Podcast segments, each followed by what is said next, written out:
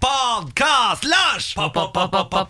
Podcast. Det var sammen, ja. Stemmer det. Felles. Velkommen til podkasten. Mitt navn er Niklas Baarli. Jeg står her sammen med luemannen Lars Berrum Ja da!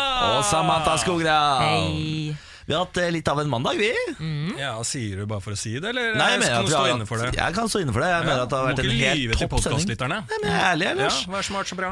Jeg syns Nina var veldig hyggelig. Så syns Ja. jeg vi var sabla gode i quizen i dag. Ja, det var vi, uten at vi visste det sjøl. Ja. Ja. Alt har egentlig vært helt eh, tipp topp, så vi ønsker deg velkommen til denne podkasten. Jeg har vært altså? litt eh, fnisete i dag, bare. Ja, det der har synes jeg er Ja, koselig. det er en liten svakhet. Ja, Samantha, jeg vet ikke om nyhetene er med i podkasten? jeg. Det er kanskje ikke? Nei, det er ikke det. Nei, Samantha har fucka opp masse nyheter. Alvorlige nyheter. Vi har bare ledd. Helt useriøst. Nei, nei, nei. nei, Men jeg syns vi må være ærlige og kritiske. Ja, det er sant, det. Forbedringspotensialet på deg selv, Niklas Baarli. Nei, ingen. Nei, men Det er enig. Det er enig i. Det er enig. Her kommer podkasten. Vi høres i morgen. Morgen på Radio 1. Har dere hatt en fin helg, dere? Lars?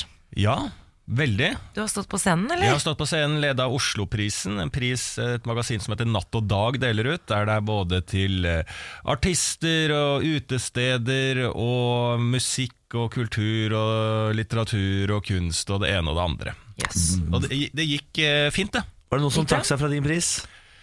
Nei, det var noen det var par som ikke var til stede for å ta prisen. Jeg tror ikke det var noe demonstrativt eh, med det. Nei. Nei. Hva er årets mest fortjente pris? Eh, nei, Det syns jeg eh, Det er litt sånn vanskelig å si, egentlig. Men Ja. jeg syns at de fleste som eh, vant, fortjente det. Egentlig. Men det var ikke noe sånn eh, Det er jo liksom sånn Det var diplomatisk sagt, da, Lars. jo, men det er jo ikke så van det er, liksom sånn, det er vanskelig hvor mye jeg skal engasjere meg for årets utested. Det er greit, jeg er mye ute, men det er ikke sånn at det er bare sånn Det er den viktigste stemmen eh, som er, og alt sånt. Så. Hvem vant årets utested, da? Årets utested ble Kafé Hærverk i Oslo. Aldri vært. Nei. Nei. Hørt om det? Liberalt uh, opplegg. Ja. Eh, nei, så det gikk fint, det. Fin fest, og alt var moro. Nachspiel? Uh, nei, ikke nachspiel. Ikke, ikke, for min, ikke for min del, eh, egentlig. Nei. Og du da, Niklas Ba- Baarli, du har jo leda et annet show. Ja. Vi leda jo show to forskjellige kanter av byen. Vi gikk jo på en måte opp mot hverandre på et vis, Ja. uten at det vel er så mye overlapp eh, i målgruppen der. Jeg leda Gay-gallaen Ja. eh, på Chateau Neuf. Ja. Det var veldig gøy. Eh, det var jo eh, toppsak på VG etterpå fordi Siv Jensen fikk pris. Ja, som årets mer, faghag. Ja, litt mer interesse for din, din pris enn min. Ja, det var, det var nok av pressefolk nede på den røde løperen. NRK lagde sang, Se og Hør var der. Ja. Ja. det var veldig gøy. Eh, nei, det det gikk veldig bra, det. altså Jeg måtte på et eller annet tidspunkt synge Nils Beck av scenen, for han holdt jo faen ikke kjeft. Er det sant? Altså Han vant prisen for årets låt etter Skam og O helga natt. Ja, det er fortjent, da. Eh, Ja, veldig fortjent. Eh, Men da bestemte han seg for at dette her var hans show, så han kom opp med to ferdigskrevne A4-sider.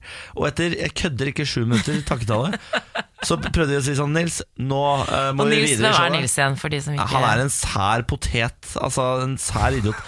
Og så, Han ikke- Ja, men det forklarte jo ikke hvem han var til de altså, som ikke vet hvem han er. Nils Beck er en uh, eh, eh, sanger, artist Ja. eh, og kunstner, Ja, nesten. Så veldig hadde- kunstner. Ja, så veldig, veldig flink. Eh, hadde da en veldig suksess med Skam med den O helga natt. Ja, og har et, masse annen musikk som er helt fantastisk. Men her var han altså sju minutter inn i taktetalen sin. Og så, prøver, og så begynner publikum å klappe, for de er jævlig lei, og vi er også veldig lei. Og så sier vi sånn Dag, 'Takk for det, Nils Bech. så snur han seg og sier sånn 'Jeg er faktisk ikke ferdig'. Jeg sier jeg må få snakke ferdig, og så fortsetter han. Eh, og da eh, begynner jeg som konferansier som står på scenen, for jeg har gått ut for å prøve å få han av. Så begynner jeg å få panikk, og da, det eneste jeg kommer på å gjøre, er O helga natt Sånn fra siden. Gjorde du det? Og så begynner salen å synge med, og så blir det applaus, og så får vi båret Nils Bech av scenen. Det er helt fan... Måtte dere bære han ut? Ja, han, altså nesten, han. han. fikk to hender på skuldra. Nå går vi av, Nils Beck. Men Så bra, men det er jo et tegn på at uh, han syns eh, prisen var viktig å få, da. Ja da. Så det er jo, Det det det er en uh, seier til uh, Gaygallaen. Jo da, man, Du trenger ikke sitere 14 sitat fra Skam, fordi alle i den salen, uh, salen har sett Skam.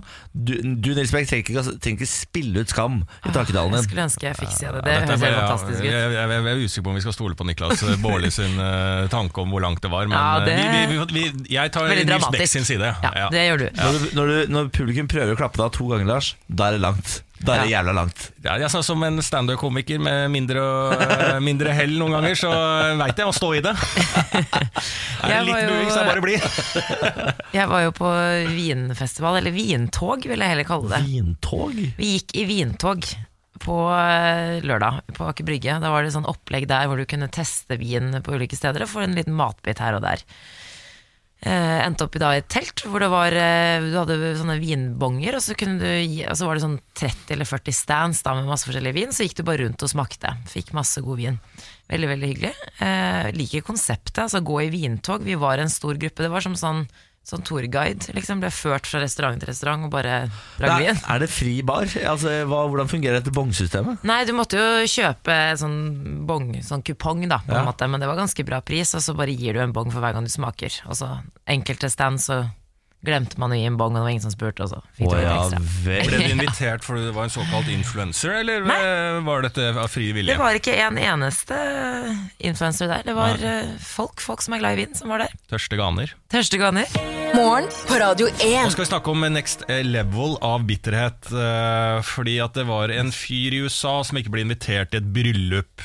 Ikke sant? Jo, det er mange som kan kjenne seg igjen i det. At det er litt sånn ah, det var irriterende.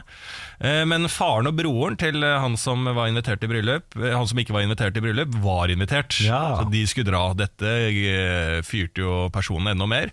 Så når de var på vei til flyplassen, så ringte han da flyplassen og anga far og bror som terrorister. Oi da. Dette er i Oregon, eh, han var 38 år. Eh, så de ble jo møtt på flyplassen da, av eh, etterretning, og ble avhørt. De etterretningene fant fort ut at dette her eh, ikke var noen eh, terrorister. Ja. Så de slapp uh, på en måte um, slapp fri, men broren uh, mista flyet, og litt sånn, så han, fikk, uh, han greide å få, få litt igjennom det han prøvde på. Da, for Ja. han, det han ville var jo å hindre altså far og bror å komme seg til bryllupet han ikke var invitert til. Ja. Eh, det er ukjent eh, om de rakk bryllup eller ikke. ja. sånn. Men det som er kjent, er at han kommer til å bli sikta to, med to års fengsel og 250 000 dollar i bot. Eh, Da er du bitter. Da er du en bitter type. ja. hva ja, det er det jeg sier. Next det level. elsker jeg. Det der elsker jeg. Men uh, når man uh, mister ett fly i Oregon, så rekker du vel neste. Er, Jo, jeg men det ser for meg at det bare går fly hele tiden bort til USA der. Ja, men hvis det, er, hvis det var langt unna Hvis du Ikke til? Paris, liksom. Nei, men skulle nedover til Midtøsten eller eh, langt, da. Ja, sånn, ja. Ja, at, det ikke er, at det er langdistanseflyving, så er det ikke sikkert det er beregna flere dager. Og sikkert ganske dyrt, eh, tipper jeg. Det er jo ja ikke det bare må vel uh, sikkerhetsfolka ta seg av, vel. Gjør de det? Men 205, var det du sa, 250 000 dollar i bot? Ja, jeg tror det var det. Det er ekstremt mye penger. Ja, ja, er du gæren? Ja. Og to år fengsel òg, så det er To eh, år fengsel? Ja, det er det han risikerer, da. Nå har jo ikke på en måte Det har ikke gått så kjapt at han fikk dommen der og da, men eh, Ja, ja. Nei, men herregud, gratulerer med det Ja, resultatet. kanskje en mulighet for å tenke over hva man har gjort. Jeg tenker to år, da, da kan, rekker du kanskje å ikke bli bitter. Ja. Vi holder oss eh, i USA. Høydramatisk Superbowl-finale i natt mellom New England Patriots og Philadelphia Eagles. Tom Brady, en oi, oi. stor stjerne i Legend. USA, også sammen med Giselle Bunchen, supermodellen. er han det? Ja, han er jeg, gift med- jeg kan ingenting om Superbowl, bare jeg vet hvem Tom Brady er. Ja, altså. nettopp. Han har jo vært en av de største stjernene, og hadde muligheten til å bli den mestvinnende NFL-spilleren gjennom tidene, men sviktet da det gjaldt som mest. Mistet ballen idet det var to minutter igjen. Nei, Tom, da. Tom, da. Da tok Philadelphia Eagles eh, nye poeng og vant sin første Superbowl-seier. da, Så det, Det er ja, ja. det er veldig, veldig gøy. Er det, er det en nedadgående trend med sånne Superbowl-parties? Det, det har vært eh, I flere år så har jeg blitt invitert på diverse sånne Superbowl-fester. Superbowl Sunday. Ja, men jeg, Ja. i år så var det sti har det vært helt stille. Ja. Jeg har ikke sett noen Helt på enig. Instagram eller Snap. Asbjørn Slettemark pleier å sitte i et studio og mene, og det pleier å være full guffe på å dekke denne Superbowl. Hvor Ja. er det I hvert fall mediene. Jeg vet at det er noen puber som uh, var oppe i natt. Men Så er det eh, alltid en NRK-reportasje fra en eller annen pub med noen norske amerikanere og am am fra amerikanske ambassaden og bare Yeah, Superbowl is really great, but I love Norway. Her Altså, sitter Nancy, og Nancy, Ja. hun er glad i Amerika. Ja. And, Men i dag, nå har vi tatt det sportslige over til eh, underholdningen, fordi det er jo det, altså Pauseunderholdningen under Superbowl er jo nesten det største. Mona Eh, Berntsen dansa, er det ikke den hun heter? Norske dansa? dansa hun, Det er helt riktig, hun eh, var jo vår store stjerne, hvis vi skal tenke sånn sett med norske øyne, da. Ja. Så Justin Timberlake han hadde en liten hyllest til Prince, som ble kritisert fordi han hadde en sånn Prince-hologram, sånn eh, tredimensjonelt bilde. Hadde det? Ja, og Sceneshow var jo eh, veldig bra, men eh, Prince har jo tidligere sagt at han hater eh, hologram. Og ikke vil noen Vil aldri bli brukt til det, og så gjorde Justin Timberlake det. Det er statement, det. Det skal jeg også si. Jeg hater hologram. Men eh, ellers fikk fikk Justin Timberlake mye hyllest. Vet vi om Justin Timberlake sang 'Mirish', som er det. verdens beste poplåt? Han gjorde ikke Han det. gjorde ikke det? Nei, jeg leste Oh, settet. Er det ikke verdt å se, Nei, da er det ikke verdt å se, gidder jeg ikke se det. Uh, vi kan holde oss litt i sånn uh, sportens verden, fordi eh, det er jo straks OL i Pyeongchang. Eh, veldig rett rundt hjørnet. Det har dere sikkert fått med dere, for det er boards på alle reklameplasser nå, med trynet til Jon Almås og hun der Anne Rimen. Ja, De holder på live fra noe sentralen i Oslo og sånn, gjør de ikke det? Ja, det, jeg tror det. Med hele arsenalet av komikerne deres som de reklamerer med. Eh, noe man kanskje ikke tenker så mye på når det er OL, er at disse OL-utøverne må ha mat. Derfor har man sendt ned et svært eh, kokketeam ned eh, mot eh, Pyeongchang. Ståle Berg, Ståle Johansen og Trond Skogvold er kokkene. Og De driver jo nå da og bestiller opp råvarer fordi de skal lage mat til disse gutta. Eh, de er ikke så gode i koreansk. Gutta og Ja, ja, ja, beklager. Ja, ja, ja. De er ikke så gode i, i koreansk, så de bruker, bruker Google Translate og sender disse bestillingene. Og skulle bestille 1500 egg. Og De fikk 15 000. Det var null. Og jeg elsker sånne land der det er null problem. Ja, altså, hvis du skal bestille bilde. det i Norge, så er det sånn Du, jeg tror du har tatt feil, men sånn i USA og Korea og Japan og Kina sånn, så er det bare sånn Ja, ja, 15 000 er greit. Ja, ja. Til Til privatbruk, eller? Ja, kjør på. Så eh, de skjønte at noe var galt når de kom med en, en lastebil med egg. til Den norske leiren. Jeg lurer på om de får brukt de eggene. Jeg så et bilde, det var sånn haugevis med egg. Sånne brett med egg. Ja, de fikk returnert 13 500, Ah, men det de har var da fortsatt for mye egg. Da. Mye omelett der. Og dramatisk start på OL. Ja, for en dramatisk start på OL. Norge Ja, det går så som så Norge foreløpig. Får håpe det går bedre etter hvert. Morgen på Radio 1. Jeg har begynt på å kjøre litt gingerkjør, jeg. Eh, I lys av at vi har vært en syk redaksjon lenge. Ja. Jeg har begynt med ingefærte hver Deilig. kveld. Ja. Og om det ikke hjelper meg, eh, så føler man seg utrolig bra. Så det er mitt tips til bordet på mandagsmorgen. Eh, hvis man tar det på kvelden, så bare kutter rå ingefær opp i tynne tynne små biter, og så legger det opp i kokende vann. Rører det, Ja. drikker vannet, spiser all ingefæren. Yes, no. Mm, brutalt Jeg opplegg. Jeg vet at det er jeg har flere venninner som drikker det om morgenen, fordi det er veldig bra for fordøyelsen og magen. Jeg har drukket te kanskje fire ganger i mitt liv. Jeg drikker te akkurat nå, jeg. Ja, Ja, Ja. men te altså dette, te. ja. Alle mulige te. Ja, Ingefærte, vanlig-te, Lipton-te. Ja, men uh, da kan du jo begynne med å koke deg varmt vann, uh, og så legge ingefær oppi, for det er jo ikke te. Nei, men Er det noe godt, da? Det høres jo ikke så godt ut. Eh, nei, jo, jeg syns det er godt, da. Du må være like glad i ingefær. men Jeg du kan elsker ingefær. Ja, da, da liker du det. Ja. Og så spiser du det, og så føler du deg faktisk Det er som å Hvis du tar den på kvelden, da, når du legger deg da, så føler, har du samme følelse i kroppen som du har hvis du har trent. Å ja. Så Er det sant? Ja, Og hva er det jeg driver og jobber med i 2018? ja. Hva er det jeg driver og jobber med? Det er søvn, da. Nei, å lure systemet. det er det du gjør. Lure livet. Ja, du har flere jobber, Lars. Ja, ja abs absolutt. Men lurer du livet med ingefærte? Ja, fordi da har jeg samme følelse som jeg har eh, hvis jeg har vært så flink og trent. Så du lurer deg selv til å tro at du nå er sunn. Jeg tror det er Absolutt. psykisk. For vi har jo snakket litt om det her med vitaminer og hvor mye- hvorvidt det hjelper eh, hvis du er forkjøla, men det er kanskje litt sånn eh, Det er preventivt. Du, nettopp. Ja. Ja. Og så er det jo bare det å legge seg med så god samvittighet eh, at du kan liksom ha et lite smil rundt munnen, som om du skulle ha trent, uten at du har trent. Er det ikke det vi søker i livet generelt? Jo, Jo. absolutt. Jo, ja, ja, ja. Det er et lite forbrukertips. Men apropos det der, jeg eh, har lest at nå har de funnet opp treningspillen. ja Altså, det, høres helt utopi ut, men de har funnet en pille som gjør at kroppen din reagerer på samme måte som om den trener. Så du får alle helsefordelene altså ved trening, bare at du slipper å trene. Nekter å tro at det er bra for hjertet og alt annet. Men tenk hvis det er Slik det. linje med altså trening. En seier mot sånne som deg, Samantha, som trener, og som vi alltid har dårlig samvittighet mot.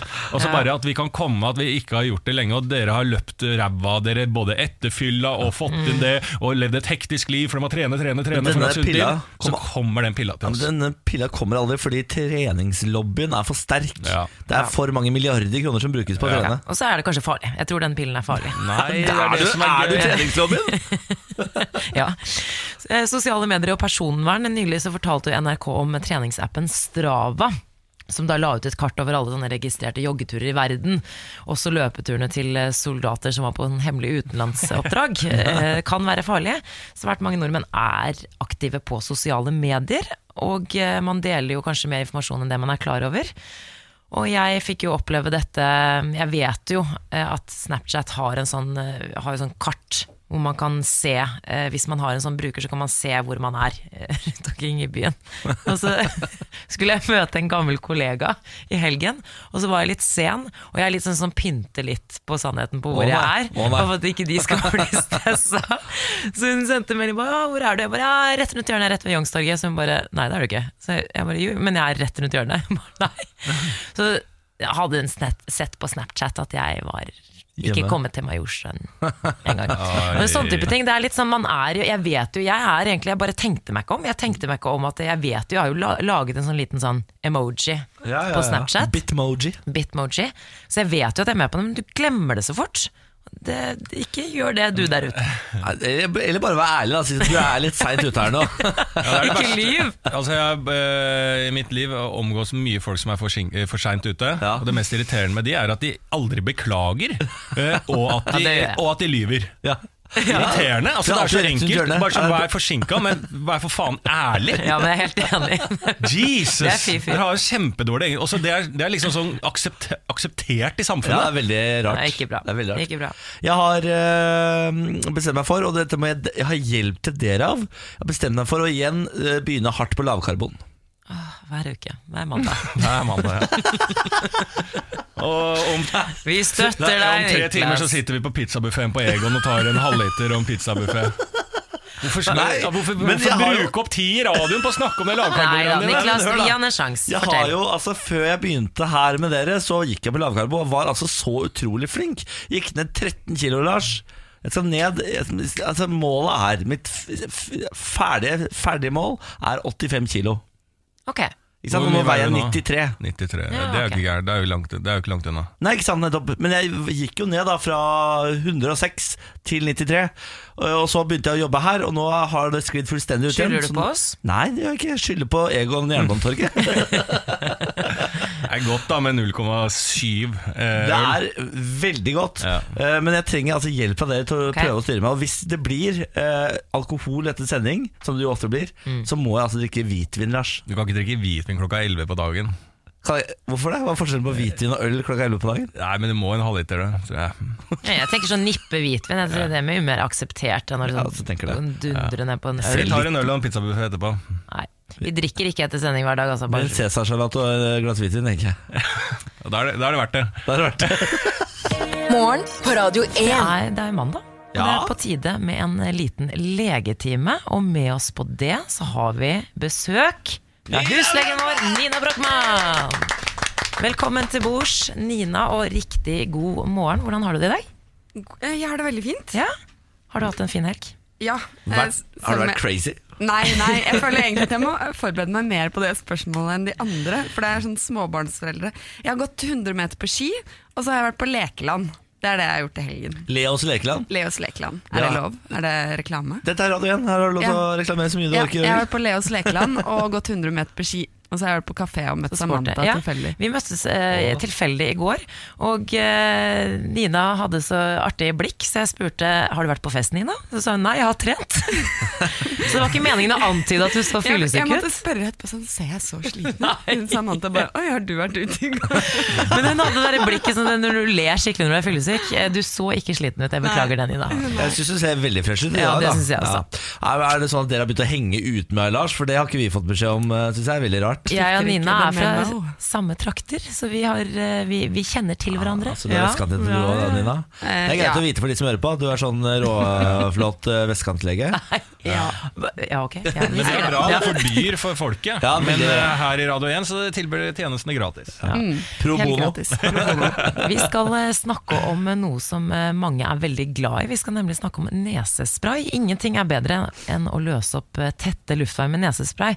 Men blir du avhengig av nesespray, eh, kan det by på et større problem enn du hadde i utgangspunktet.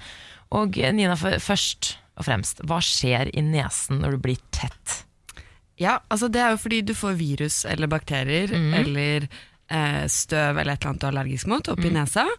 Og så reagerer immunforsvaret ditt, og da begynner immunforsvaret å skille ut masse sånne små stoffer, eh, betennelsesstoffer, eh, som gjør at karene dine både eh, vier seg ut, sånn at det kommer mer blod, og så blir de lekk, sånn at det liksom siler ut væske. Og da får du hovne slimhinner, og så får du snørr. Mm. Hva er det nesespray gjør?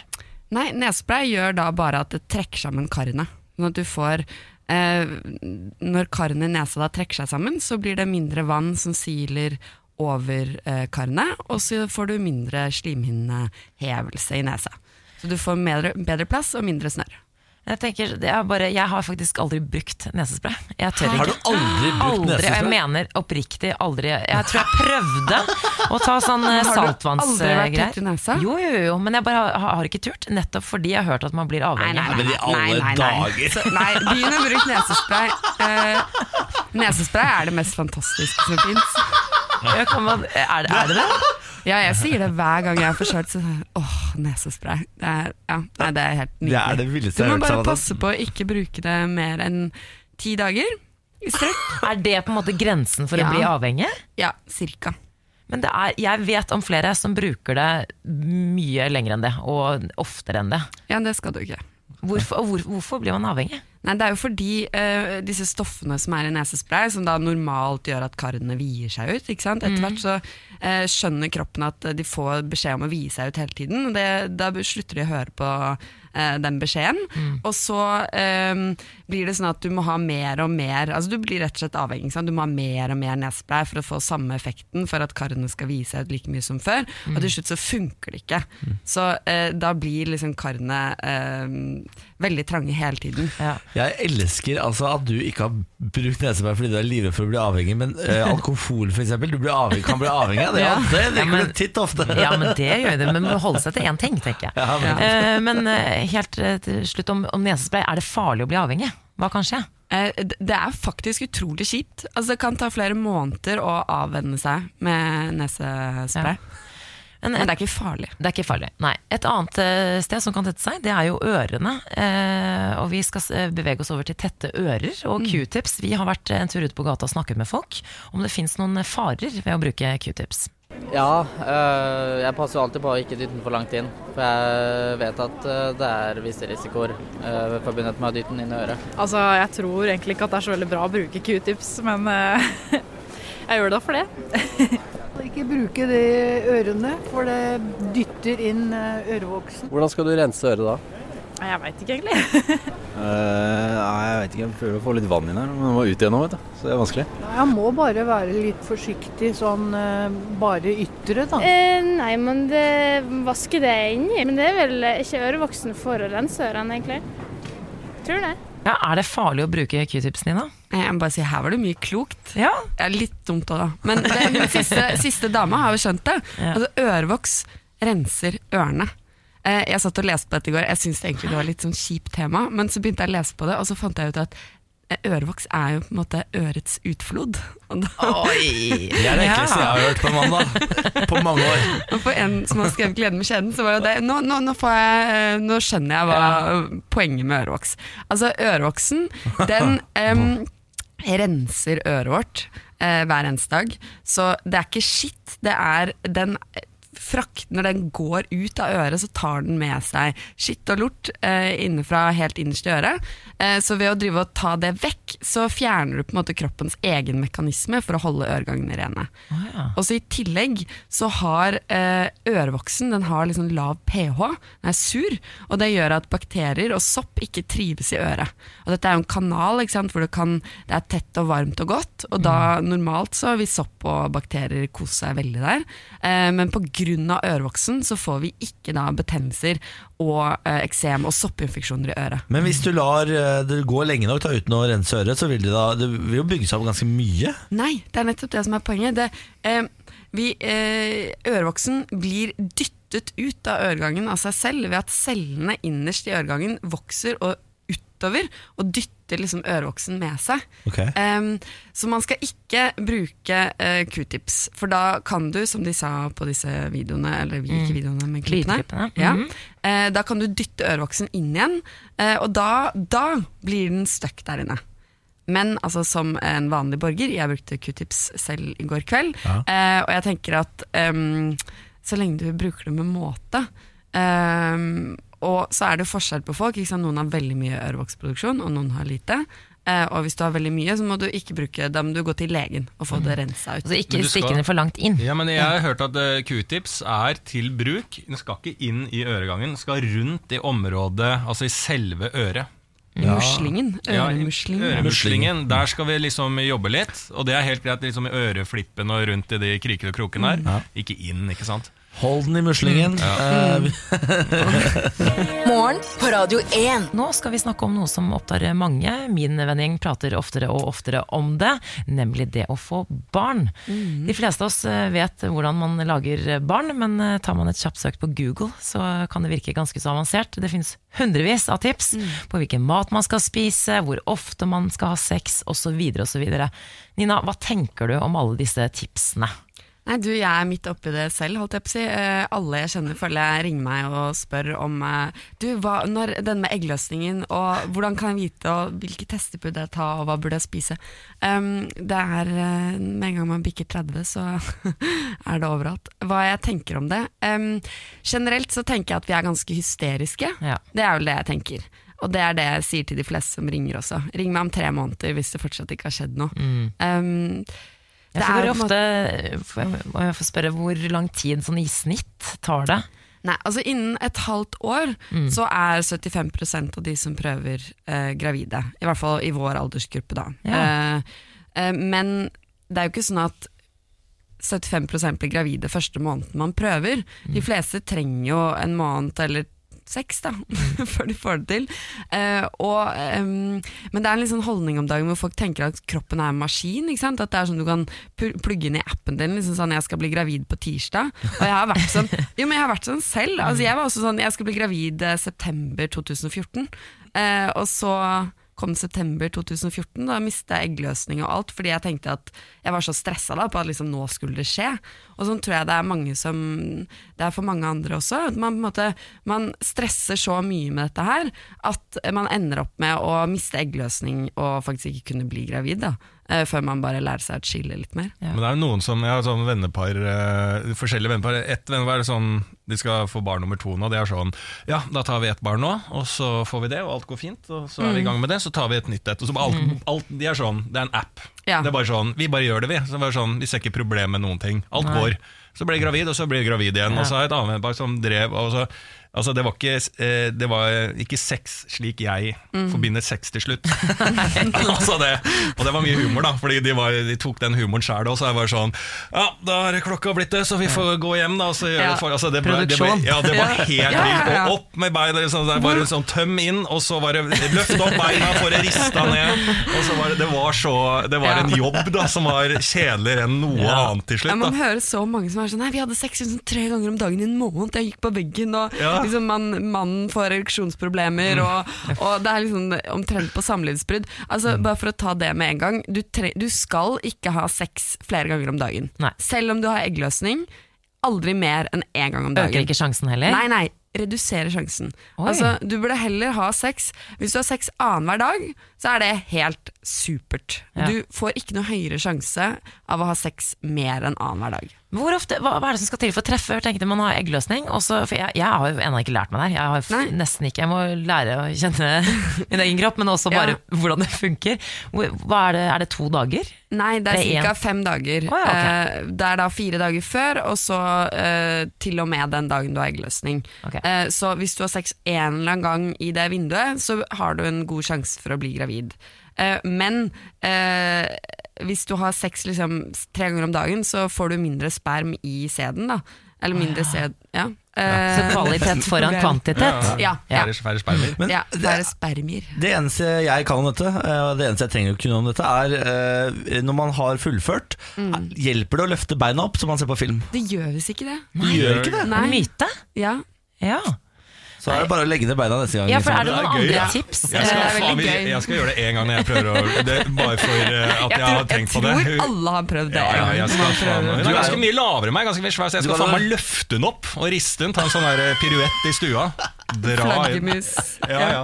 Men du, Er det noen myter eller tips du har lyst til å enten fremheve eller eh, på en måte avlive? Er det noen tips som faktisk funker? Eh, noen tips som funker? Eh, nei, det tror jeg Slapp av er vel Ja. det tipset som funker. Og så Ja. ta Folat. Det er vel det Folat? eneste tipset man faktisk skal lytte til. Det er et sånn vitamin Ja, det er B-vitamin som Ja. du skal ta. som eh, Hva hjelper det mot? Det forebygger eh, altså brokk i ryggmargen. Ja, så det er litt sånn alvorlig shit. Da. Ja, men når du altså, For å bli gravid, så For å bli gravid. forlat. Nei, nei, du må ta det um, når du prøver å bli gravid, og de første tre månedene av graviditeten for Ja. å forebygge. Okay. Men for at det skal ha noen effekt, så må du ta det før du blir gravid. Ja. Ja. Jeg har fått inn, vi har fått inn et lyttespørsmål. Jeg og kjæresten min har forsøkt å bli gravid i fem måneder, og ingenting skjer. Jeg har en temperaturmåler som forteller når jeg har eggløsning, og da pleier vi å ha sex flere ganger daglig. Hun har eh, kuttet ut alkohol, eh, kuttet ut snus, lagt om eh, kosthold osv. osv. Eh, nå begynner jeg å tenke at jeg eller kjæresten min er infertile. Hvordan finner jeg ut eh, Hun lurer på hvordan hun skal gå videre med dette. Ja, her er det veldig mange ting. Da. Noe av det har vi vært innom allerede. Fem måneder, du er ikke infertil. Eh, for å, at noen begynner å bruke det ordet, så må du ha prøvd det i et år.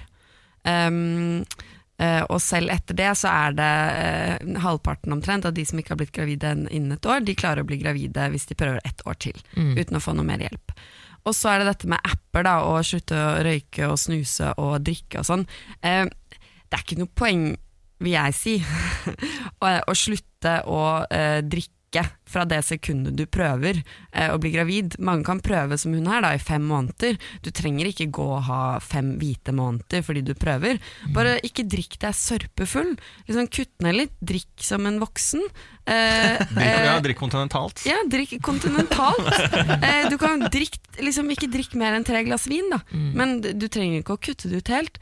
Og snusen, altså, da er det litt sånn Er du en sånn som klarer å slutte å snuse den dagen du finner ut at du blir gravid, så kan du godt gjøre det. Eh, hvis ikke så må du kanskje slutte litt før. Men, men eh, det er ikke noe sånn at det nødvendigvis øker sjansen for å bli gravid. Jeg har et sånn der eh, tips under bordet, er jo bare å fortsette liksom sånn, å alltid ha sånn one night stands-ligg i, i teorien eh, når du skal prøve å bli gravid, og ikke tenke så mye på det, fordi at det er sånn, å tenke heller sånn vi kjører uten kondom, Ja. ja, vi gjør det. Ja, bare satse på at vi ikke blir gravid. Du trekker deg ut i tide. da blir du ja. alltid gravid. Ja, da Det blir er alltid gravid, ikke sant? Det er bare så, og da kan du heller si ah, faen, Jo, jo, men jeg kjenner flere som Typisk at jeg gjort ble gravid den ene gangen! Og så kan dere high five etterpå. Bare sånn, Ja, ja. vi lurte systemet.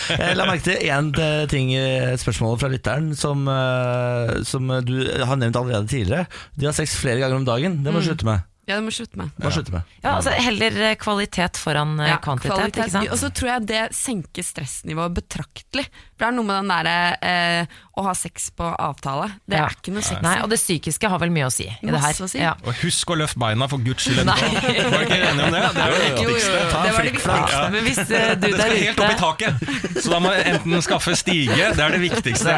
Du som ikke har hørt alt nå, husk det! Mer moro enn det egentlig funker. Eh, vi skal runde av her, Nina, men for å dra en liten konklusjon. Det tar eh, i snitt seks måneder å bli gravid, så hvis du der ute tenker på det her, så ikke stress. Ta den tiden du trenger. Og trenger ikke å ha sex flere ganger om dagen når du har eggløsning.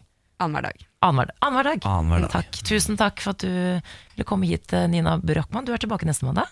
Takk. Ja, det er jeg. Ja, Gjerne, hvis jeg er velkommen. Ja, ja, ja, du må, du må komme Ja, tilbake. Norge trenger deg. Morgen på Radio 1. Det har vært en god helg for Norge, eh, sett med vårt eh, norske, norske patriotiske blikk, som er Norge, Norge, Norge, Norge. For Mission Impossible-traileren har kommet. Ja! Er Prekestolen med? Oh yes! Oh, yes. Og Superbowl, Mona Berntsen, Ja. eh, norsk danser, dansa med Justin Timberlake i helgen. Oh shit. oh, det er deilig for det norske Ja. øyet, ikke sant? Ja. Så det er helt fantastisk. Og på Superbowl så var også eh, fantastisk gründeridé fra Norge, Nordic Waffles.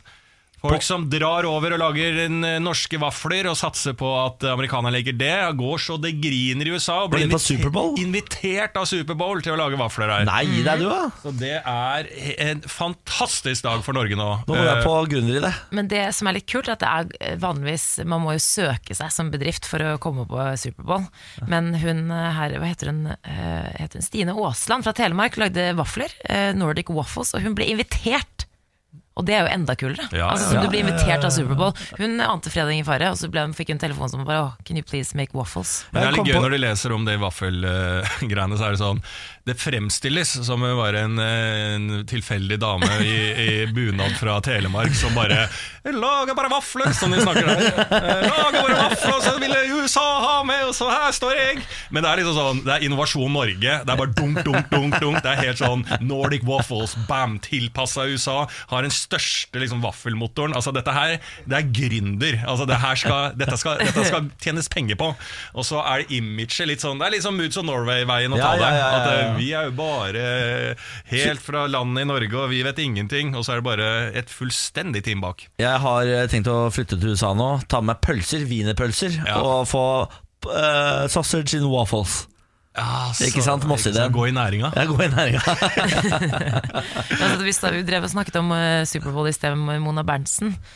Og eh, viste en video her hvor vi så at hun danset helt foran ved siden av Justin Timberlake. Og jeg blir sånn teit stolt. Ja, er du gæren? Selvfølgelig Ja. skal være det. Det eneste som gikk stang ut sånn med norske øyne, som vi er veldig opptatt av, er jo eh, Alexander Sørloth, fotballspilleren som har gått til Crystal Palace. Ja.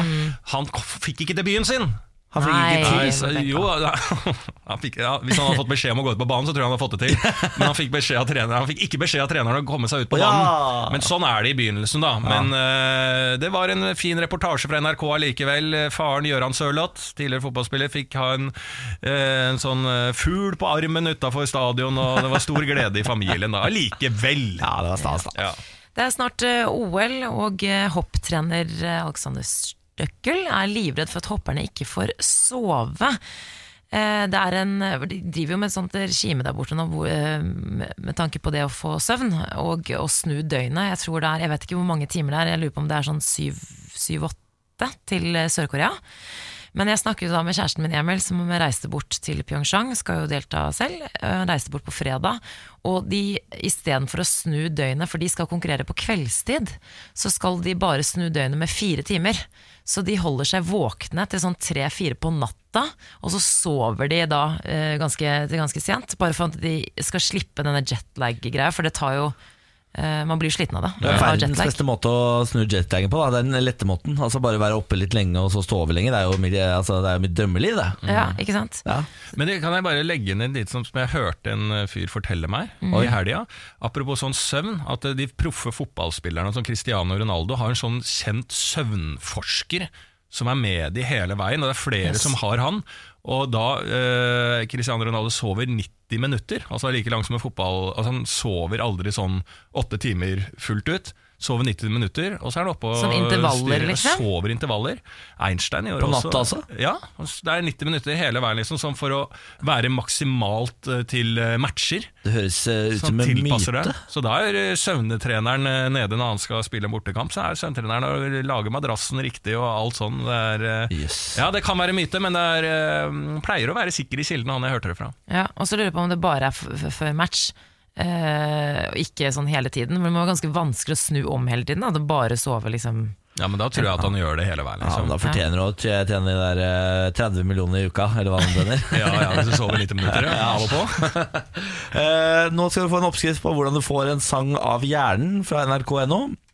Vi har vel alle vært der, og at en eh, låt har satt seg, og du synger på den om og om igjen, og man blir gal, og de rundt deg blir gal. Eh, Det viser seg at Lady Gaga er en av de som fester seg absolutt eh, lettest på hjernen. Eh, hun har altså, av en liste over hvilke låter som setter seg mest på hjernen, så har hun tre av ti eller noe sånt. Eh, Bad Romance er verst. Jeg, den spiller vi her på Radio 1, så Det det, er fordi hun nynner som altså, det er sånn, Det er fordi den har eh, raskt tempo, fengende rytmer, korte sekvenser og enkelt tonalt mønster. Det er Nei, men jeg tror også det har noe med at uh, hver gang hjernen snakker til meg hvis jeg ikke sover, og alt sånn, så er det jo! Ikke sant? Og det er sånn Altså det, er liksom sånn, det har liksom ordlyden til hjernen min da og- til hjernen til folk flest. At du bare blir skreket til. Jeg ser for meg en liten sånn Lady Gaga i hodet til Lars Ja, ja, som står på skriker nonsens. Eh, Vi har eh, funnet den riktige måten å gå fram på her nå. Det er en eh, ekspert som uttaler seg til NRK.no. Er dere klare for oppskriften? Hvordan få en sang av hjernen? Nummer én. Oppsøk problemet, tving deg til å høre hele sangen. Ja. Nummer to. Skift til en annen sang. De er alltid, ja, de er alltid så gode, de listene her. Jeg elsker de. P uh, tips tre. Tenk på noe annet. Nei. Og det er så gøy å- Det er nok til å skrive sak. Ja. Ja. Det var sånn, Du går til legen og så liksom bare sånn du, jeg, har, jeg greier ikke å gå, jeg har så vondt i knærne og sånn. Så bare sånn Ja, men slutt å ha vondt, da. Og så bare Takk for meg, og så ja, takk for hjelpen. Ja, Da tar jeg med det videre i livet. Er så, du, du, men jeg har hørt et sånt tips en gang. At det er, du skal, det er, en er det Beatles, den derre Hey June? Hey Jude. Ja, Hey Ja. Jude. At det er liksom det ultimate sang til. Hvis du har en sang på hodet, syng den. Det er gøy at du nevner det, fordi eh, de bruker et annet eksempel her i NRK. Da, hvor, de, hvor NRK spør eksperten eh, Carola sin fremling er også en nøytraliserende effekt, sies det. Ja. Det kan jeg ikke gå for, ikke. det kan ikke jeg gå god for, sier eksperten. Men han kan gå god for Tenk på noe annet. ja, ja. Kanskje litt referanse. Så Humbug! ja, Så sånn blir du altså kvitt en eh, sang du har fått på hjernen. Lykke til. Morgen på Radio 1. Og nå, mine venner, er det dags for Lars Bærums morgenkviss. Reglene er som følger. Tre spørsmål blir stilt til Niklas Baarli og Samantha Skogran, som er et quizlag. Svarene kommer helt til slutt. Ja. Hva er quizlagnavnet deres? Rune Øygards hyttevaskservice. Nei. Rune Er det Øygards, reklame? Er det sponsa quizlag? Rune Øygards hyttevaskservice. Nei, takk. Rune Øygard, ja. Ja. Altså Rune virkelig Vaske hytta. ja. Nei. Slurp, slurp. Nei. Å, Er du bløt? herregud. Ja, det var Samantha Skogran du Nei, jeg er ikke nekter med på det. laget. Jeg er ikke Det har jo på ikke noe med quiz å gjøre. Nei, det er riktig. Det var bare gøy. Har du noe annet forslag? Nei, på ingen måte. Da blir det ikke quiz-lag nå, blir da. Nei. Samantha er ikke enig. Ja, nei, men det er Nei, nedstemt. Ja, det- Du må jo ha en eller annen dårlig ordspillvits på quiz. Ikke, det må ikke. Nei, jo tydeligvis, for dette her blir jo ikke noe av. Før har vi hørt eh, hettet, eh, hettet Kristiansand torsk og laks eller noe sånt, så det må jo være greit å hete aldri Øygards- het det. Jo da, vet Nei, Jo. Nei. Da blir det ikke quizlagnavn, eh, men dere er fortsatt et quizlag. Her er spørsmål nummer én. Hva vil det si at en person er geistlig? Hva vil det si at en person er geistlig? Jøss, nå er det geistlig, Lars. Ja. Er Sånn ikke type. det religiøst, da? Å, sier du det? Å det? være en prest, eller ikke geistlig? Geistlig jeg husker fra historietimen Jeg på geisler skolen. deg til prest. Eller så er det motsatt, at man ikke er religiøs, men et eller annet med religion, tror jeg. Det, det, er vel, det kan man vel svare. Et Eller annet med religion. Ja. Niklas har ikke noe aning. Nei, men altså, kan, man svare, kan vi svare det, da? Så, Ja. det er et Tror du at svaret er et eller annet med religion? Religiøs, Det tror jeg ikke stemmer. en prest. Å ja, det røpte seg selv at det ikke var det. Geistlig, jeg vet ikke. Er Nei, ikke men det er, svaret er jo Du kan ikke si på en quiz skri, Tenk at du skriver ned svaret ditt. da Et eller annet med religion. Jeg får Det er jo Sannsynligheten er jo ikke øh, stor for å få noe riktig, da. Men hva, er, eh, hva var spørsmålet? Kan du gjenta det? Hva vil det si at en person er geistlig? Du er Jeg vet ikke. Jeg, har jeg skjønner ikke.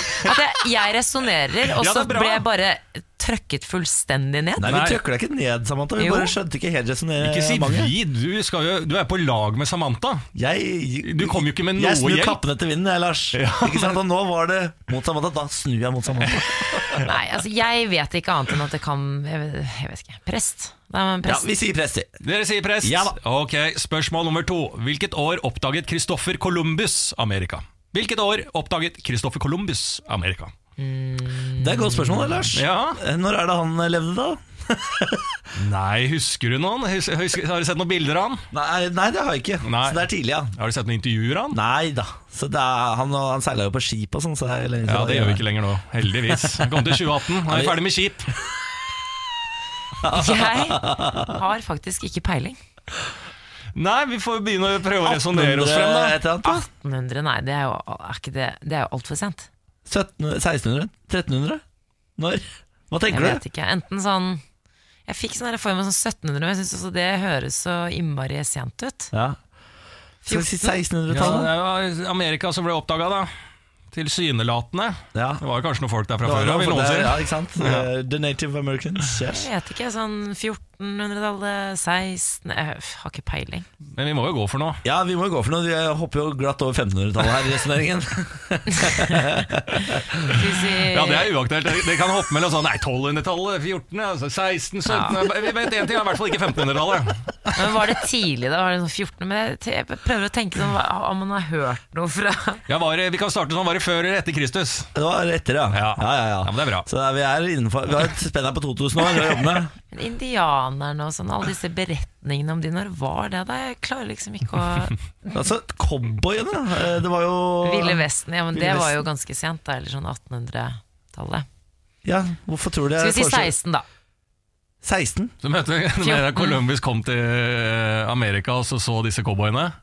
Nei, men så eh, rett etter han, altså ikke så veldig mange hundre år etter han, så var det sikkert cowboytilstander. Vi må videre. Ja, nei, da, da sier vi 1600-tallet. 1600-tallet. Eh, 1400-tallet. Hva? 14. Jeg skulle si 1500-tallet, siden det er det Ja, eneste vi ikke har vært ja, innom. ja, ja, ja. 1500-tallet. Ok, Spørsmål nummer tre.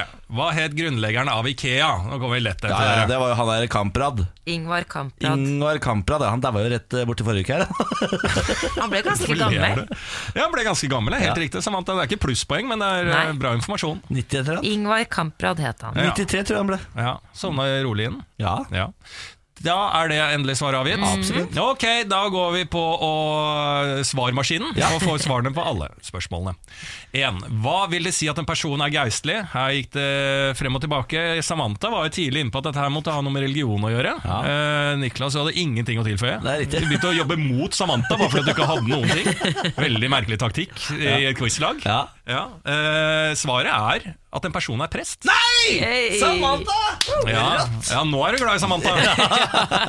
Jeg prøvde, bare, jeg prøvde bare å pushe lagfeelinga litt, og se om det var noe sprekker i det laget her. Og det var det. Jeg trengte ikke å pushe mye. Det er ett eh, svakt ledd der, og det er Niklas Baarli. Jeg blir forbanna når hun ikke liker navnet mitt. Så Rune Øygards eh, hyttevaskeservice, for eksempel, hadde hun smilt og sagt ja, det vil jeg hete. Da hadde det vært på. Der fikk du et poeng. Ja, takk. Ja. Spørsmål to var hvilket år oppdaget Christoffer Columbus Amerika? Ja. Her vaia det mellom eh, Jeg visste at det var etter Kristus, og alt annet var helt åpent. Ja. Minus 1500-tallet. Ja. I lang, lang tid i resonneringa så var det alt. Det kan være alt. Det kan være 2017, bare ikke 1500-tallet. Ja. Endte på 1500-tallet. Ja. Svaret er 1492. Det er, Ja, det er godkjent! Det skal du få godkjent. Ja! Fy fader! For en mandagsflaks! Stang inn. Ja. Eh, og spørsmål tre, hva het grunnleggeren av Ikea? Ingvar Kamprad, det. Ja. Ja. Og det vil jo si at dere fikk fuckings tre av tre. Oh shit! Altså Alltid når jeg har den verste følelsen, så går det alltid sjukt bra. Ja, men nå, dere, Jeg var så dere, langt flaks- nede, ja, dere har jo vært ute så det sykla og ljoma etter, men dere greide å flakse dere inn med Men- tre riktige. Det er helt fantastisk. Med godt humør og nok innsats, så går det. Ja. Ikke sant? Ja, Jobbe mot sitt eget lag, så går det stang inn. Nei, men fader, tre, tre av tre, det Ja, bra kan jeg leve med på en mandag. Tusen takk, Lars, for innsatsen. Vær så god. I like måte. Morgen på Radio 1. Du 1. hører Morgen på Radio 1 med Lars Bærum, Samantha Skogran og Niklas Baarli. Og for at dette showet skal gå som smurt, så har vi altså en horde med mennesker bak oss. Eh, Et svært apparat som ruller og går. 200, 200 stykk. Minst. en av de 200 heter Kaja. God morgen, Kaja. Hei! Eh, vi skal introdusere deg på ordentlig måte. Åssen går det, Kaja? Åssen går det, Kaja? Kaja, åssen går det? Åssen går det, Kaja? Det går bra. Yes. Kjøper det ikke? Jeg trodde du bare på eh, i den tonen du hadde, og så stoppa den. Ja, det går faktisk veldig bra. Ja. Ja, det er bra. Nytt helgen, nå er det mandag. Du er jo innom her innimellom også, og får litt råd, Ja. eh, slett. Fordi tidligere har vi hjulpet, deg med bioen din på Tinder. Mm. Hvordan, hvordan går det der? Ja. Det går, det går greit, jeg bare syns det er litt kjedelig å svare. Så jeg tror jeg skal, men jeg skal ta en runde denne uken, jeg lover. Har du fortsatt samme tekst? Ja. Om at kjøttbutikken er oppe og Nei, jeg vil ikke snakke om den mer. Jeg, jeg vil snakke om noe annet, Fordi det går faktisk på det samme. Um, fordi jeg er jo singel, som ganske mange skjønner når jeg har Oh, Tinder. yes. Yes. Oh, yes. Um, og som singel så syns jeg alltid det er veldig deilig når, folk, når venner slår opp. Fordi det er liksom flere, flere som er single sammen. Men så er de så kjappe med å finne seg nye. Så det har gjort at jeg skjønner sånn hvor lite effektiv jeg er i min singelverden. Så jeg har sett litt på sånn Ok, hva er det jeg gjør galt? Hvorfor er jeg så ineffektiv? For det er Og så eh, har jeg tenkt sånn Ok, jeg forelsker meg ikke så ofte. Jeg blir veldig sjelden betatt. Men jeg har klart å liksom male et sånn bilde av hvem det er jeg blir betatt av. Og det er sånn ofte høye, morsomme, Lars. smarte, Lars. kjekke, Lars. homofile menn. Lars! Åh, nei. Jeg har jo noe homofilt i meg. For det er jo, jeg har jo vært en motstander hele tida, og det er jo bare i frykt, ikke sant? Men ikke, ikke for det til å handle om Lars nå, for jeg trenger faktisk hjelp. Ja. Ja, ja, Det er bra Kaja. Ja, jeg, må, jeg trenger faktisk Fordi ofte så blir jeg betatt og bruker mye energi og tid på å være betatt i, i det stille av homofile menn. For eksempel Henrik Asheim, som er vår fast, faste politiker, syns han er dritkjekk. Du, jeg, jeg kan forstå Homofil. det. Jeg, jeg har en liten sånn crush på Henrik Asheim, jeg også. Jeg kan forstå det. Ja, jeg òg, egentlig. Ja, Han er jo helt absolutt. nydelig. Ja. Herregud, jeg har prøvd å ligge med ham flere ganger. Han eh, sier sånn Jeg kan ikke liksom Du har kjæreste, sier han. Men må de være og, eh, Da må man jo finne ut hvorfor eh, Fordi det er alltid det med komma homofil. Altså Hele den rekken Nei. på de du faller for, og så er det alltid Det skjer komma. mye. Det skjer for ofte Ja, men det må være homofil. Altså, Nei, jeg vil jo helst uh, bli betatt av heterofile. Det skjønner jeg. Men er det, hva er grunnen til det? Hva er, Ja. ikke sant? Det er der, det er der problemet ligger. Alt Ja. annet er jo mulig å, å bli sammen med, men det er vanskelig med dette homofile Ja, Men vi har jo en X-faktor, vet du, vi homofile, som eh, er helt uimotståelig, altså. Jeg er helt Ja. enig. Helt, helt Jeg til har du ikke sa det sjøl. deg, Niklas. Ja, ja. Du mangla alt etterpå. Du hadde bare homofile. Ikke var du høy. Ikke var det kjekk. Ikke var det smart.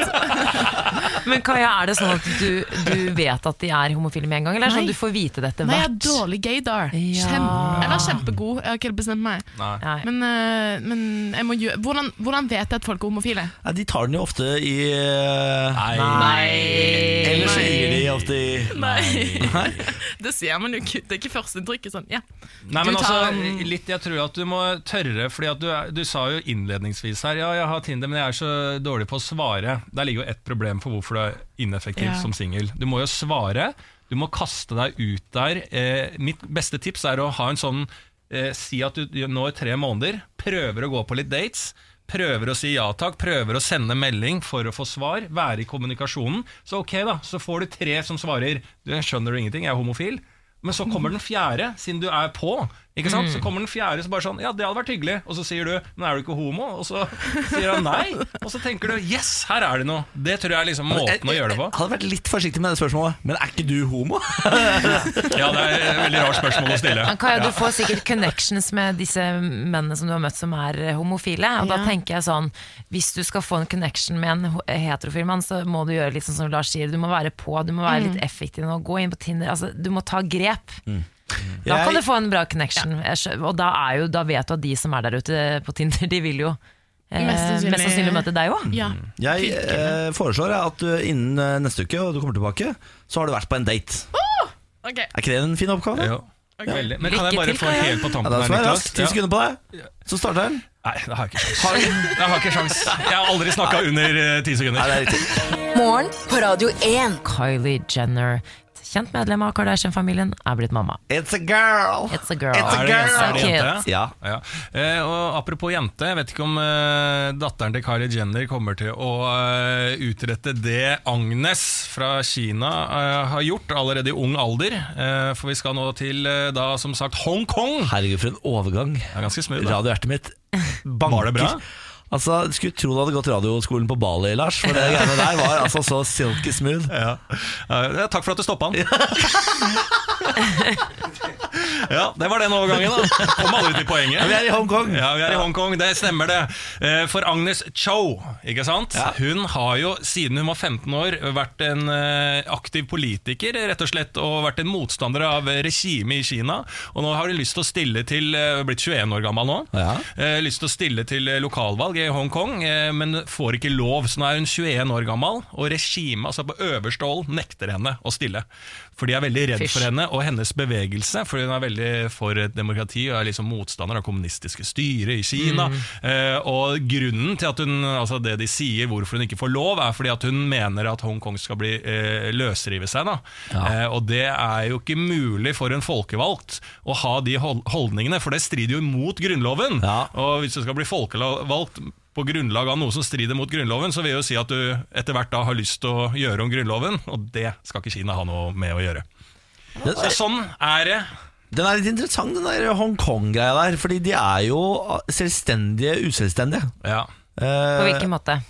De, eh, er de en republikk, da? eh, I, inn, innenfor Kina?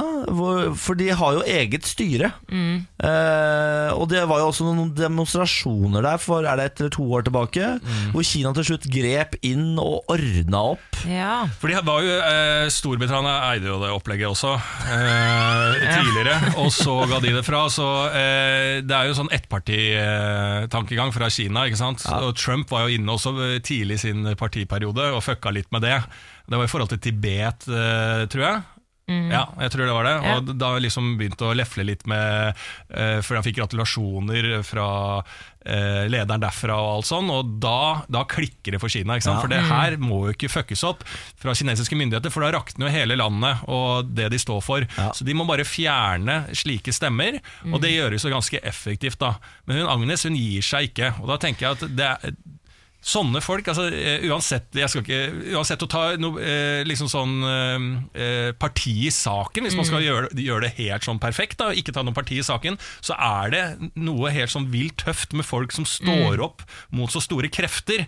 Altså, Vi skal absolutt hylle de som står opp eh, mot presset i Vixen Influencer Awards også, her hjemme. Ja. Og ta oss hatten og tørke tårer for at de er en stemme mot dette kroppspresset.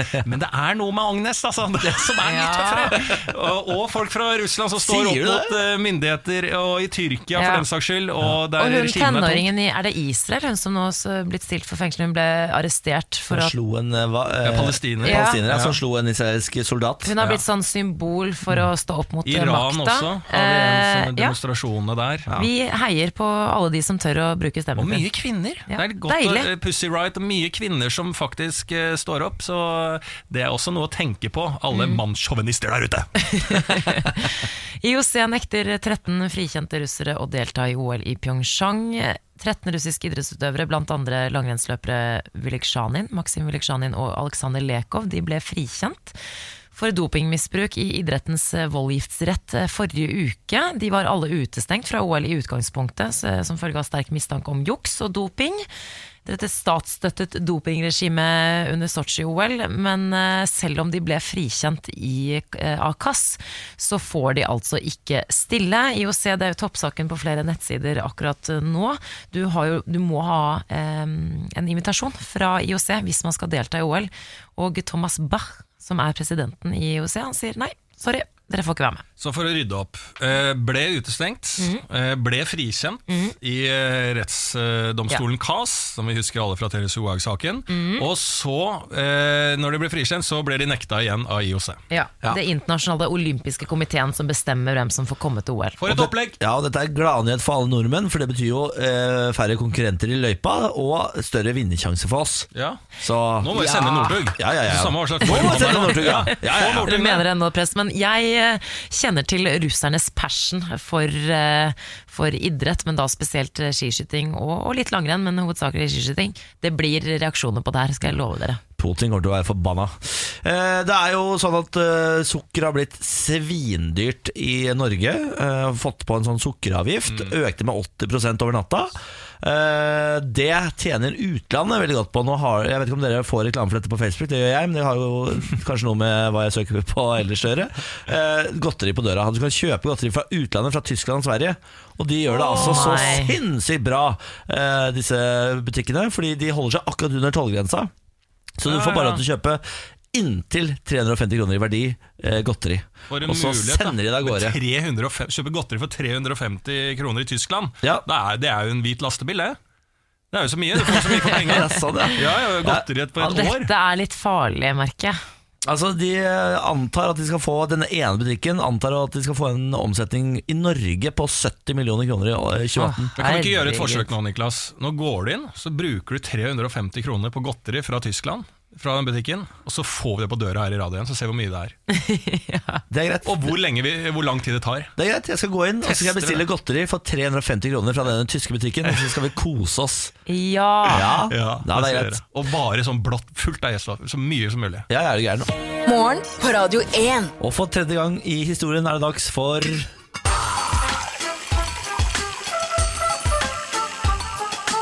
Bårlis radiokjøkken. Velkommen til Bårlis radiokjekken, deltakere Lars Berrum og Samantha Skogran. Ja. Denne konkurransen går ut på følgende. Dere får hver deres ingrediens, og så skal dere lukte, fortelle hva dere lukter, tenke litt rundt det. Og så skal dere smake, tenke litt rundt hva dere smaker, og så skal dere sammen finne fram til ett land hvor disse to ingrediensene kommer fra. For å gjøre dette vanskelig, vanskeligst mulig, så ber jeg dere ta på dere bind for øynene, det er i form av lue. ja. Luen tres på fjes, og inn kommer ingrediensene av vår praktikant Jørgen. Jørgen kommer her, og Lars får foran seg en kopp. Vær forsiktig at du ikke velter koppen, Lars. Eh, du, Samantha, du får en asjett. Vær så god. Da ber jeg Samantha starte å lukte. Vær så god. Det lukter Ja, hva lukter det, Samantha? Det lukter å- faktisk litt vanilje. Nå har jeg sikkert pustet det vekk, eller blåst det vekk. Lukter litt vanilje. Ja. Ja. Uh, men hva, hva er- holder du i nå? Jeg holder i en tallerken. Okay, ja. Hvis du tar og prøver å føle på det du har på tallerkenen, eh, Samantha Oi, det var tørt. Ja, ta det i munnen. Nei, ok. Må jeg det? Ja da, det er okay, mat, greit. så det er ikke noe farlig. Men det er jo ost, er det ikke det? Er det det, Samantha? Nei, ikke ost. Det er noe tørt. Det er sånn stekt løk, bare at det ikke er stekt løk. Stekt løk Å ja, stekt løk, men Det det er er ikke stekt løk. Det er, et eller annet, det er noe krydder. Er krydder Tørket ja? Krydder. Er det Ja. sterkt? Nei. Ja, hva kan dette være, da? Ja, det kan jo være alt, da. Ja, det, ja. Lars, Nei. kanskje hva? Var det sterkt allikevel? Ja, Jeg tror jeg vet hva det er. ja. La, Hva er det? Det er te. Tror du Du det er te? driver og gafler på, gafler seg på te der borte, ja. Ja, Lars, da kan du kanskje starte med å lukte på din Ja, jeg, jeg føler at den lukten har satt seg i hele rommet. Ja. Ja. Hva er det for noe? Hva lukter du? Og dette har jeg lukta mange ganger før. Hva da? ja, han har altså en Faen, kopp er det med Er det krydder? noe innhold. Men hva med eddik? konsistensen? da? Nei. Ja, Lars tenker eddik her. Det er Kan jeg få ikke lov så til å lukte, dumt. eller er det bare Lars? Det er bare Lars som skal Ok, lukte på greit. denne ingrediensen. Og det her er jeg dårlig på. Eh, for jeg, Ja. Vi kan jo jeg kanskje, kjenner det jo igjen, da, fra Ja. et eller annet. kanskje vi skal ta og prøve å smake på det, Lars. Kanskje det kan hjelpe deg? Drikkes det, eller hva er det jeg har oppi her? Det, det, det er ikke noe farlig å drikke det. Vær så god. Det er ikke noe farlig å Med drikke. andre ord ikke godt. Det er ikke noe farlig, Lars. Kjør på. Samantha blåser det hun har fått ut over hele studioet er her. det Jeg bare vet ikke om det er, på en måte er te, te eller krydder. Nei, hva, hva tenker du, Lars, nå som du drikker dette? Er det, er det kjent? Ja, Ja. Hva kan dette være? Ja, jeg lurer på om vi må begynne Ja. å komme til en konklusjon her, dere. Eh, det er er ganske irriterende. Så jeg, jeg kommer ikke på hvor jeg har det herfra. Ja. Nei? Men jeg tenker sånn, jeg vet ikke hvorfor jeg får eh, den uh, assosiasjonen, men sånn Tyrkia? Tyrkia? Noe krydder eller te fra Tyrkia? Ja. Hva, men uh, er det, er det yoghurt? Er det eddik? Hva, er det, hva tipper du, Lars? Nei, vet da faen, jeg. Altså, det er jo um, Det er jo godt, da. Ja, er det? Nei, jeg vet ikke hva det er. Altså, jeg har smakt det um, Er det tykk konsistens? Det er alkohol, kanskje? Er det alkohol? Nei, jeg vet ikke. Eh, Det, eh, tyrkisk sprit, tyrkisk yoghurt. Jeg, altså jeg, jeg, jeg, det eneste forslaget jeg har, det er Tyrkia, Lars. Hva Ja. tenker du? Tyrkia. Ja. Men jeg hadde jo bare foreslo det sist gang òg, jeg. Å ja. ja, men vi hadde jo ikke rek riktig. Det var jo Norge forrige gang. Var det ikke ja, det? stemmer. Ja. Så det er, vi må, vi jeg- må få et svar her, dere. Jeg greier ikke det her, jeg. Nei. Nei. Da kan jeg før dere du, Dere kan ta dere bindet for øynene. Å, fy. jeg har rota litt. Du har rota litt. Eh, Samantha, jeg kan informere om at du har estragon. Estragon, Jeg liker ikke estragon. estragon. Og Lars, du har rødvin. Er det rødvin, eller? Det er rødvin fra Det er det jeg har smakt før, ja. Ja, og Skjønner vi da hvilket land vi skal til? Estragon og rødvin. Italia? Nei, det er Spania? ikke, ikke Spania, ikke Italia, et annet rødvinsland. Eh, Portugal. Frankrike. Frankrike er det vi skal til! Er det det, ja? Wow. Du er flink da, Niklas, det året. Vi, vi er ikke så utrolig, altså. flinke. Jeg greide ikke å eh, Var rart. Ja, Ja. veldig rart. Og du har drukket rødvin før, for å si det sånn. Ja. Ja. Men det, var- det eneste faresignalet er at jeg, eh, jeg har vanskeligheter å si om det var alkohol. Lik- Likte at du trodde det var eddik. Nei, dette var var fullstendig stryk fra dere begge. Ja, det var dårlig, altså. Ja, beklager, altså, dette her var helt elendig.